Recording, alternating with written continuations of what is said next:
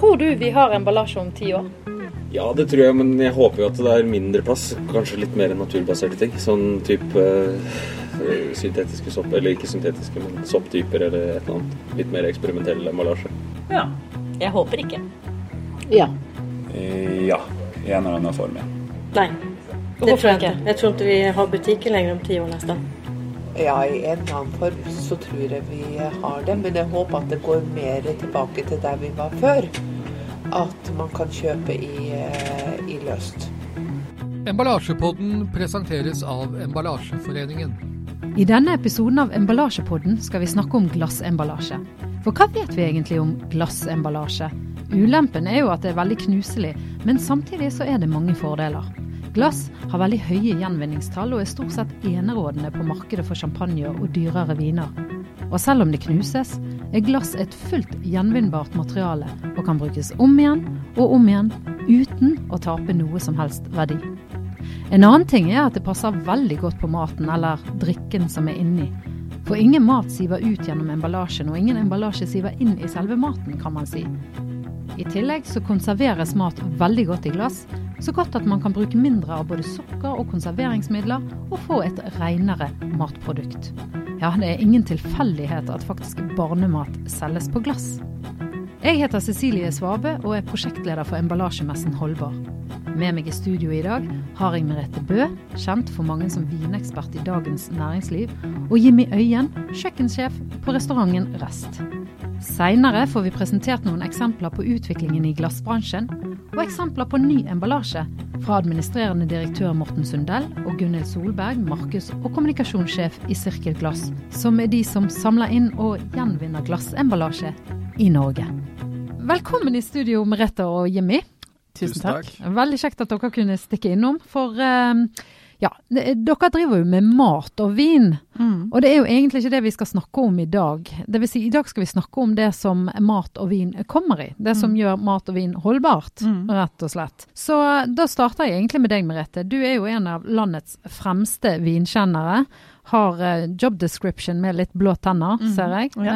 Eh, det, er alltid litt blå. ja. Eh, og du er bl.a. kåret til nordisk mester for uh, sommelierer. Sa jeg det riktig? Da sa du rett. Ja, det Og det er ikke bare bare. Nei. Nei, for det er jo litt fransk, sant. Eh, men eh, har det noe betydning for deg at eh, om da vinen er tappet på glass eller metall eller plast, eller ja, til og med en pappdunk? Ja, uten tvil. Jeg tester jo alt. Mm. Jeg tester jo 10 000-12 000 viner i året. Men sånn privat så velger jeg glass foran alt. Er det farvet av tradisjon eller Det jo- smak? Eh, Det er jo fordi at de beste vinene finnes på glass. Jeg kunne godt ha drukket en vin på, på særlig på boks, faktisk. Mm. Kommer det flere og flere interessante ting på boks, men foreløpig så er det liksom de Ja, metallboks. da, ikke Metallboks, papp. ja. ja. Eh, og selvfølgelig bag-in-box er jo tross alt eh, 60% av all vin vi drikker kommer jo i plastpose. Og det har jo kanskje noe å si med eh, bærekraften i det hele, da. For vi vet jo det at eh, disse store, tunge flaskene Man, man forurenser jo litt med både frakt og eh, produksjon osv. Så, videre. så Absolutt. Jeg blir litt jeg, Det jeg blir skeptisk på når jeg tar opp ei flaske og jeg kjenner at den er veldig tung. mm. Da tenker jeg dette er ikke vits i. Det er jo strengt tatt bare en holder. Jeg blir mer, jeg får mindre lyst på vinen av å kjenne at dette er en skikkelig tung flaske jeg vet at altså, kommer fra USA, f.eks. Mm. At den har hatt en da- lang reise. Her kommer bærekraftspolitikken inn. Men det, det gjorde det jo ikke før, da. Nei, nei. Det er noe helt nytt. Da, før så var jo det forbundet med noe som var eksklusivt, ikke sant? Mhm. Altså dette var jo dyr, det var liksom Ja. Mm.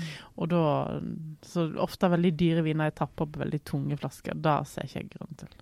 Nei, men er det sånn at uh, jo, jo, jo, liksom, jo mer eksklusiv vin er, jo mer greit er det at det er stor, tung flaske? Jo, for det er så lite av det, da. Mm. Sant? Så det har jo ikke så mye å si hvis en ser verden under ett. Men, men samtidig litt provoserende, på en eller annen måte.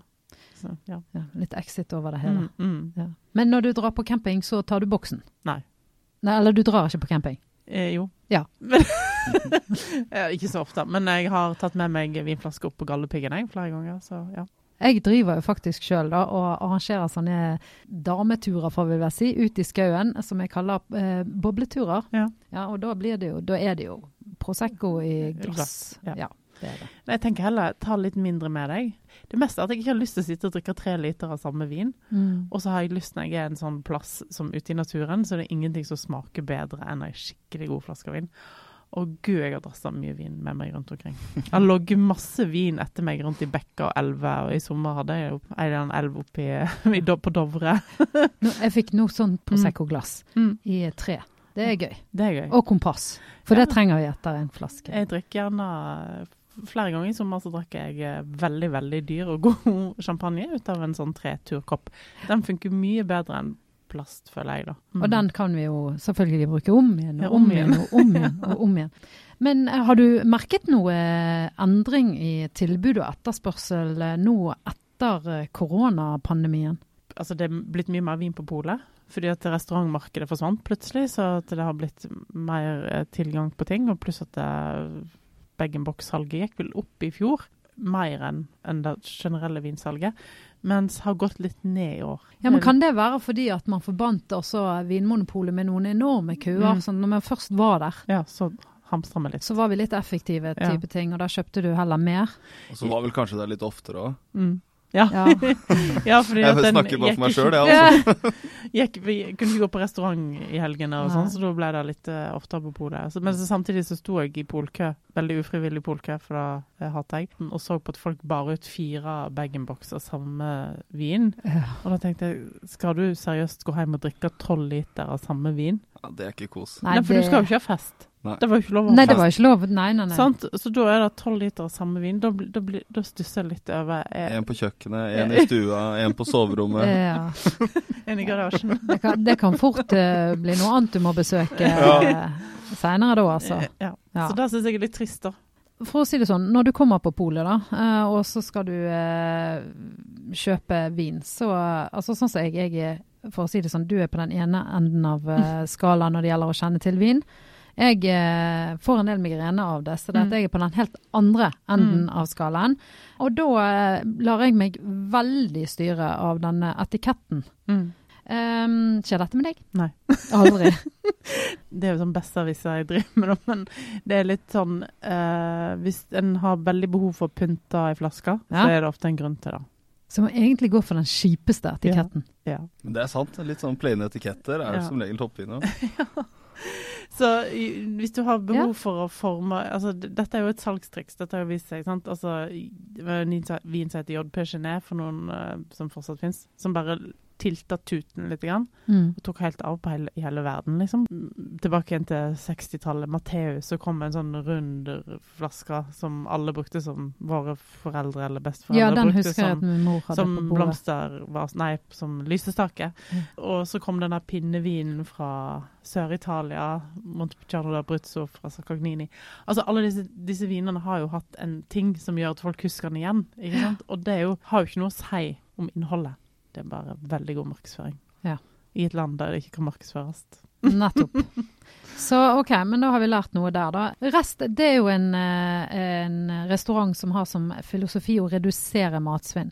Er- Altså, matsvinn er jo absolutt det verste. Mm. Altså, det er jo verre enn plast i havet. Ja, det er helt ulogisk. Så det må jo vi få vekk. Og du er jo kjøkkensjef, Jimmy. Eh, har du noen sånne idealistiske preferanser for eh, emballasje på drikkevarer? Ja, jeg, er jo helt enig om at liksom eh, alt som er på glass, lyser jo kvalitet over eh, ting i plastikkpose. Og det er vel ikke en eneste vin vi serverer som ikke kommer fra glassflaske på, på restauranten. Eh, men det har mye med Vi, vi har forskjellige oppbevaringsting på, på restauranten. Vi bruker også en del plastbokser, som er sånne gjenbruksbokser, selvfølgelig. Men, men det setter liksom Altså, plast puster jo, da. Det gjør ikke glass. Nei. Eh, Så ting du har på glass blir jo helt, helt sterilt og, og holder på smak. Og hvis du bruker det igjen, så vil det ikke smake noen gamle rester av det som har vært i det før. Da. Så hvis du har dagens vin, da, og du vet Mm. det går veldig mye av den, så er jo i utgangspunktet en pappvin mer eh, miljøvennlig. Ja, det måtte vært med, med guttegjengen en uh, sein lørdagskveld i så fall. Ja. Eh, fordi jobbmessig så, så er det kvalitet over alt mulig annet. Ja, Så det blir ikke servert. Aldri. Det får ikke du på rest. Nei. Selv om miljøaspektet er Ja, selv om. OK. Og, på å si, hva, hva opplever du da at folk er mest interessert i i forhold til dette med matsvinn? Eh, Altså, hvordan, hvordan jobber du på restauranten for å på en måte Nei, For det vi på en måte prøver å gjøre på restauranten, er jo å, å vise fram alle disse tinga som, som ikke folk engang ser på som matsvinn. Eh, ting som blir sortert ut før det i det hele tatt når butikkene. Alle disse rare fisketypene vi ikke spiser. Eh, alle de stykningsdelene med kjøtt du aldri har sett før. Eh, hvor blir det av verpehøner? Hvor blir det av verpeender? Alle disse tinga som man egentlig ikke ser på som mat, eh, er jo de tinga vi serverer og prøver å på en måte vise gjestene våre i en veldig positiv ånd da, at liksom dette er kult, og dette burde vi spise. Det er en grunn til vi spiste hønsefrikassé en gang i uka før, i gamle dager. Ja, det for husker at, jeg. eh, Mm. For vi, vi, vi bruker egg til alt mulig annet, og da er det helt naturlig også å spise hønene. Så det er mer den tanken, at vi prøver liksom bare vise fram at eh, Mm. Se hvor mye kult som egentlig fins. Sånn at det kan skape et marked, da, sånn at det til slutt kanskje kan finne litt mer utvalg i butikkene. Og det vi Eh, snakker om matsvinn, er jo det som blir kasta hos enten forbruker eller på restaurant eller i butikk. Men alt det som blir sortert ut før eh, butikken, eh, Mm. er jo ikke da definert som matsvinn. Eh, så det er jo jævlig mye mer vi kaster enn eh, enn det man egentlig ser og Ja. vet. Det er litt flaut. Det er veldig flaut. Mm. Eh, og det er litt det vi prøver å, å vise fram, da. Det store bildet. Men hva for en type mennesker er det som da kommer og spiser på rest? Det er alltid fra unge mennesker som bryr seg om eh, bærekraft, til eh, eldre mennesker, til matnerds og foodies. Mm. Så jeg vil si det er jo egentlig det morsomste med restauranten, at vi har liksom ikke ett sett med mennesker. da. Jeg tror eh, det er alltid fra folk i 20-åra til 70-åra, liksom. Og det er hver eneste dag. Og det er veldig, veldig gøy. Ja, det er veldig gøy, men eh, har du merket noen gang at de, eh, de stiller krav til emballasjen, eller er det fullt fokus på matsvinn? Eh, nå ser jo ikke de så veldig mye av emballasjen vår eh, i restauranten. Eh, men eh, jeg vil jo si at sikkert en stor andel av de bryr seg om det. Og det er veldig mange som virkelig bryr seg om at eh, ting skal være logisk, og at ting ikke skal være masse masse emballasje og plastikk. For du veit jo hvis man går på butikken og går hjem igjen, og så skal du fylle, så fyller du nesten søppelbøtta tre ganger med én bærepose med mat, liksom. Mm. Jo, men det, eh, Hvor utfordrende har det vært å få tak i disse råvarene som alle Nei, kaster? Det er jo egentlig den aller verste jobben. Eh, for vi har vel nå 14 leverandører som vi bruker eh, hver eneste uke. Så det er jo mye sånn der å hente gul skeive gulrøtter borti Sande og kjøre opp et annet sted og hente andre råvarer og sånn. Eh, så vi må preservere veldig mye mat. Eh, vi må ta inn større partier eh, så vi har over en lengre tid. For at vi kan ikke ha den daglige logistikken med å kjøre verden rundt, for det er jo ikke så veldig bærekraftig det heller. Eh, og da kommer jo også disse glassa inn i bildet, eh, hvor vi fermenterer veldig mye. Eh, og det gjør vi jo da alltid på glass. Det det? Nå ser jeg for meg disse her runde krukkene med sånn Ja, men det akkurat det det rødt lokk over. Eh, og det er for at det fins ikke noen bedre måte å gjøre det på enn å bruke glass. Ja, for jeg har alltid tenkt at det, fordi at det alltid er så strømlinjeforma i forhold til sånn Mm. logistikk av matvarer matvare Mm. i Norge. Så Mm. da tenker jeg at det er ikke så lett å bare ringe til, til Nortura og si Du, forresten, det er kylling Nei, det er pff, jeg vet ikke svineleveren som du kaster. Kan Mm. vi få den? Ja. Nei, vi har heldigvis så sykt mange mennesker som er med og hjelper oss, eh, og som har vært med oss fra starten. Som Mm. er sånne ildsjeler som virkelig Mm, bryr seg. mm. Jeg kan dra fra f.eks. Holte gård, eh, Mm, som er det eneste gårdsslakteriet i Norge. Eh, og siden de da driver med alt på gården sin sjøl og slakter og sånn, så vil de jo bruke absolutt alt. Så der får vi alltid fra hønseføtter til hanekammer til verpehøner til eh, alt som, som de vanligvis ikke selger til butikker eller vanlige restauranter. Hva, Også, er det, hva er det mest spesielle du har på den menyen din? Eh, nei, kanskje hanekammen er jo ganske spesiell. Eh, Kommer han stekt, eller kokt? Nei, det er eller? mange måter å spise hanekam på. Eh, og du kan jo gjøre som kineserne gjør, og det å spise brusk. Eller så kan du jo også gjøre som ital italienerne. Men jeg har jo skjønt og lært at eh, det jeg syns er kult, syns jo ikke mannen i gata er så veldig kult. Så da er det en måte å gjøre å, sminke med konsistenser, f.eks. eh, Mhm. så det vi gjør med hanekammen nå, er at vi koker den i fire og en halv time. Så renser vi de, og så tørker vi de. Og når du da friterer de, så puffer de som svinesvor. Eh, og da har du plutselig en sånn gjenkjennelig konsistens. Ja. Og da kan liksom det være litt skummelt, så kan du smake, og så blir du positivt overraska. ja, det tror jeg hadde blitt. Så kjører vi med f.eks. Uh, kyllingleverkrem på toppen. artig. Mm. Du kan få kjøpe en sånn pose med eh, fritert eh, hanekam. Nei, det må være når det starter flere gårdslaktere i Norge. For nå kjøper til nå så kjøper vi alle hanekammene de har. Og hanekammene er hønekammer, Ja, også ironisk nok. Ja. Fordi hønekammer Nei, høner har hanekam.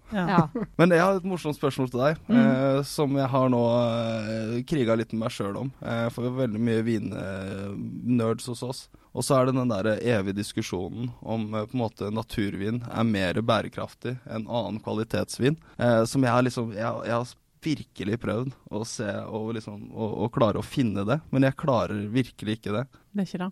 Det er ikke det. Eh, det, det kritikkverdige mot naturvin er jo ofte at naturvinsprodusenter det er så tidlig i hva skal jeg si, i utviklingen sin da, Mm. at de må ofte kjøpe druer. Druer de ikke helt vet hvordan har, vært, har Mm. vokst opp. Så de kan av og til faktisk sprøtt Mm. havne i naturvinsproduksjon der de bør faktisk ikke være. fordi at uh, i naturvinsproduksjon så gjør de veldig lite sånt, temperaturkontroll. De tilsetter veldig lite svovel, så du tar veldig lite liv av disse tingene som er i et sprøtt naturmateriale. Mm. Så det er av og til noen suppe oppi de flaskene som jeg tenker Ja. Jeg har, faktisk, jeg har faktisk hørt det i forhold til økologiske frø. frø. Eh, at eh, det er ikke alltid så bra, for du kan få f.eks. salmonella. Ja. For det, det, de ligger og tørker på naturlig vis på Mm. en, eh, å si en åker. Eh, og der flyr det fugler over som Mm. eh, rett og slett bæsjer ned Mm. på dem. Mm. Og eh, når det er økologisk, så kan ikke du prosessere det etterpå med rense, altså rense det og sånt. Det er litt sikkert akkurat Ja. det. Altså, du kan få en, en, en dueklatt på, uh, i naturvinen din, da. Mm, ja. Altså, det er jo Jeg har alltid Men det er jo spennende, det. Ja, det, det er jo alltid spennende med salmonella. Been there, done that. Men, men um, den best bærekraftige faktisk i vinproduksjonen er jo hvis du hadde tenker jeg, Nå tenker jeg bare sånn ut fra eget eh, ståsted, men biodynamisk dyrking der du lager all eh, gjødselen din sjøl. Mm. Der du ikke bruker noe kunstgjødsel eller sprøyte i det hele tatt. Og du lager alle preparatene dine selv. Mm. Og kanskje hvis du hadde Men det er jo kanskje litt vanskelig, for de fleste som gidder å gjøre den jobben og biodynamisk dyrker, er jo såpass flinke ofte. Mm. At de tar seg så godt betalt for vinen at det Men hvis de da f.eks. hadde tappa på lettvekt øh, glassflaske, glassflaske ja. øh, så hadde det um, vært nok den beste øh, Mm. Ja. Mm. Men altså Jeg tenker sånn også ikke tilsette noen ting for å Ja. stoppe fermentering og sånn også. Hvis du da skal drive og frakte ting, ja, så er det en veldig stor sjanse for at ting uh, går i stykker da, på veien. Ja, ja. Og det er jo ikke bærekraftig. Nei. Så Nei, det, og- det er nok det, det som er best. Mm. Mm. Og det er det jeg tenkte jeg skulle snakke med de eh, som nå kommer inn i studio etter dere. Mm. I forhold til eh, det er sirkel.no. Og det som er trikset, er jo å få en tynn glassflaske som faktisk er slitesterk og ikke lett knuselig. Mm. Mm. Så vi får sjekke ut med de, da. Mm. Tusen takk for besøket. Tusen hjertelig takk. Takk for oss. Emballasjepodden presenteres av Emballasjeforeningen. Ja, da har vi hatt et lite stueskifte her i studio, og vi ønsker velkommen til Morten og Gunhild fra Serkel Glass. Og når jeg sendte eh, gjestene ut av studio, så hadde vi akkurat snakket litt om det med at eh, ja, de er jo vinkjennere og feinschmeckere på restaurantfaget, sant. Så de syns jo det var veldig dumt, da, i forhold til et bærekraftsperspektiv, at det er Hvis du da får tynnere glass, som er bra for uh, bærekraften, så betyr det at når de skal i transport, så er de lett knuseligere. og Derfor så får man disse store, tunge flaskene. Og Da er det jo naturlig å servere den rett over til dere, da. Kanskje Morten, har du et svar på det?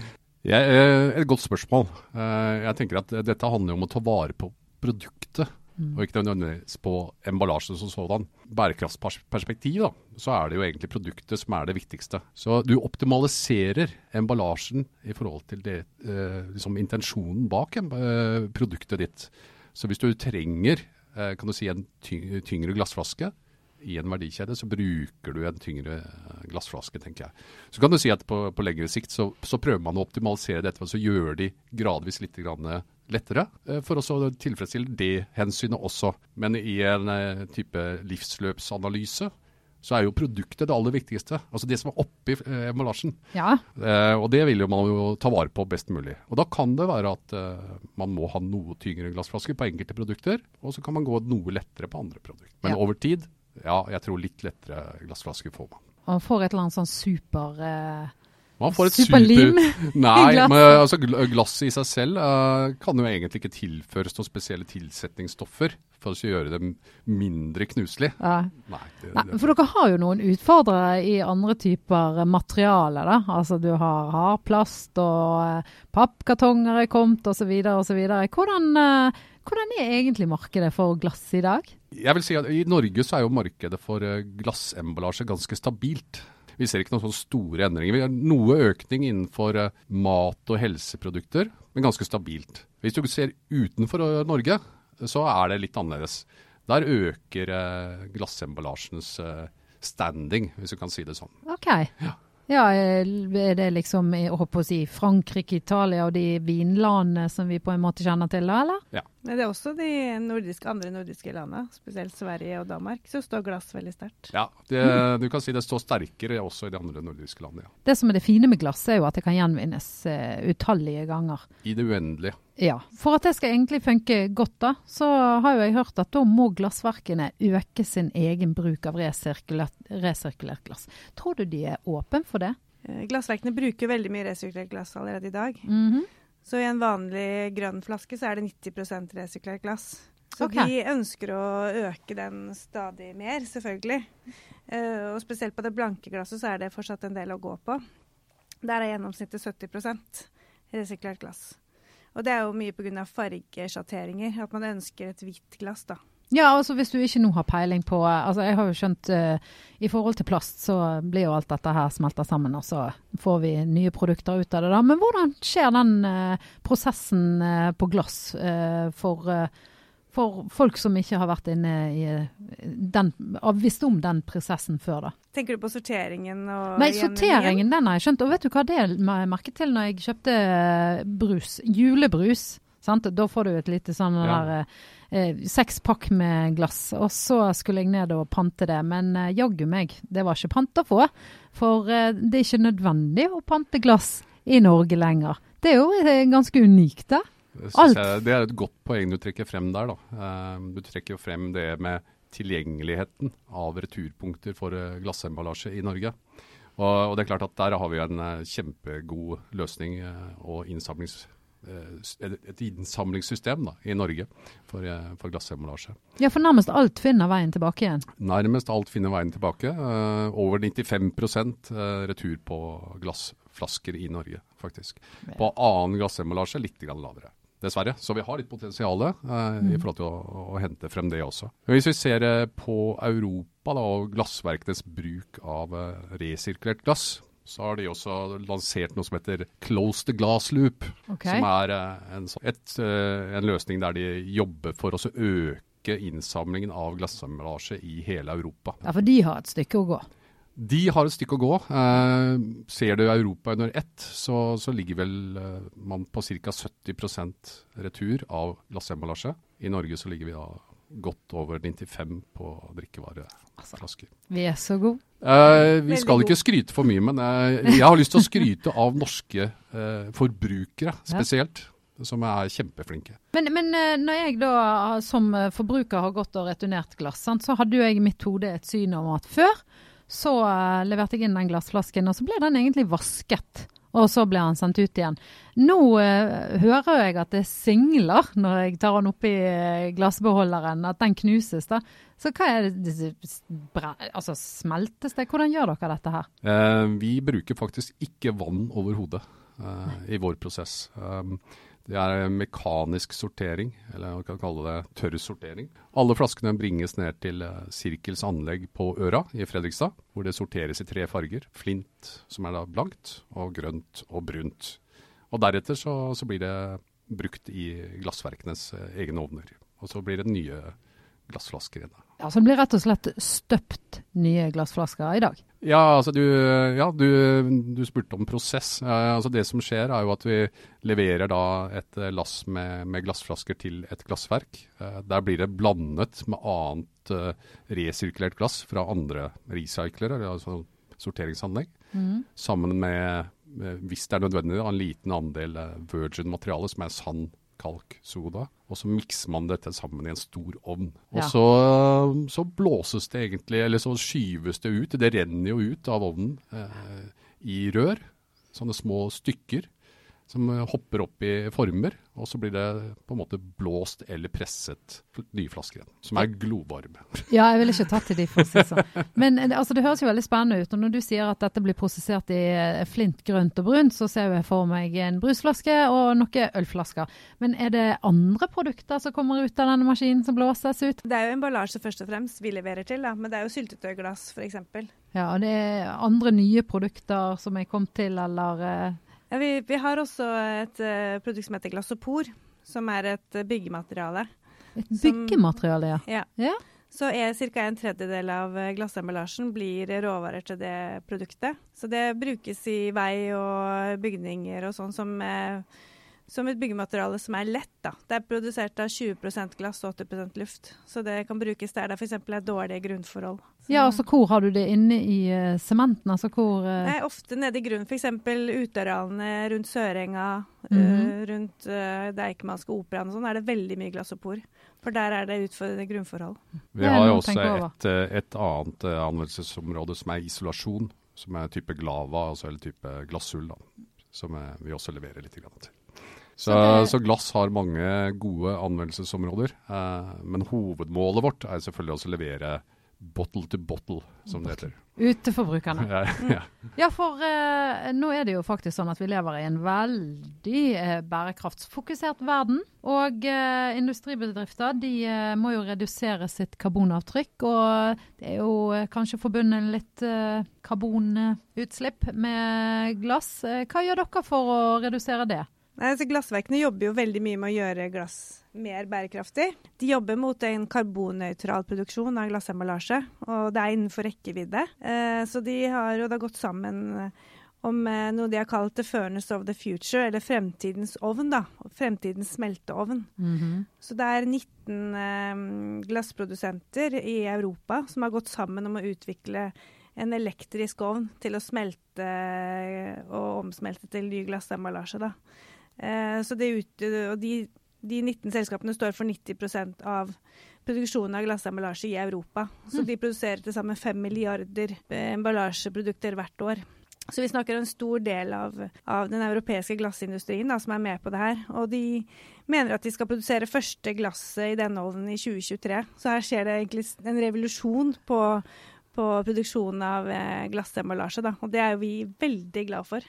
Ja. For det, det er jo mye fokus på CO2-utslipp, og vi, vi mener at glass er et veldig bærekraftig emballasjeslag i utgangspunktet. Og når vi nå også da kanskje kan være nø- karbonnøytrale innen få år, så er vi veldig fornøyd med det. Så, er, så er det jo også sånn at allerede i dag eh, altså Vi snakket om close to glass loop. Det handler jo det høres jo ut som ja, det vi gjør dette fordi det er i tiden. Men man samler også glass og resirkulert glass brukes for å redusere energi i dagens ovner. Så det i seg selv også er et bærekraftselement. Eh, Det at vi da leverer eh, resirkulert glass til en produsent, så vil han kunne for hvert eh, kilo eller hva man skal si, han produserer, så sparer han 30% energi i sine ovner med resirkulert glass. Så du får på en måte en dobbel effekt da, av dette her i dag, og selvfølgelig også da i fremtiden med, med enda bedre ovner. Så Ja, for før så trengte dere egentlig bare å tenke på flasken. Altså at flasken, eh, hvordan den skulle se ut og hvordan den skulle bli. Eh, nå må du tenke på alt det andre rundt. Ja, du, du får en helt eh, stor eh, sirkel, da. Eh, og det liker vi å, å snakke om, selvfølgelig. Ja. Og sirkulær økonomi, det, det handler jo rett og slett om å, å prøve å skape en fullstendig sirkel, der du også får med eh, nye produkter?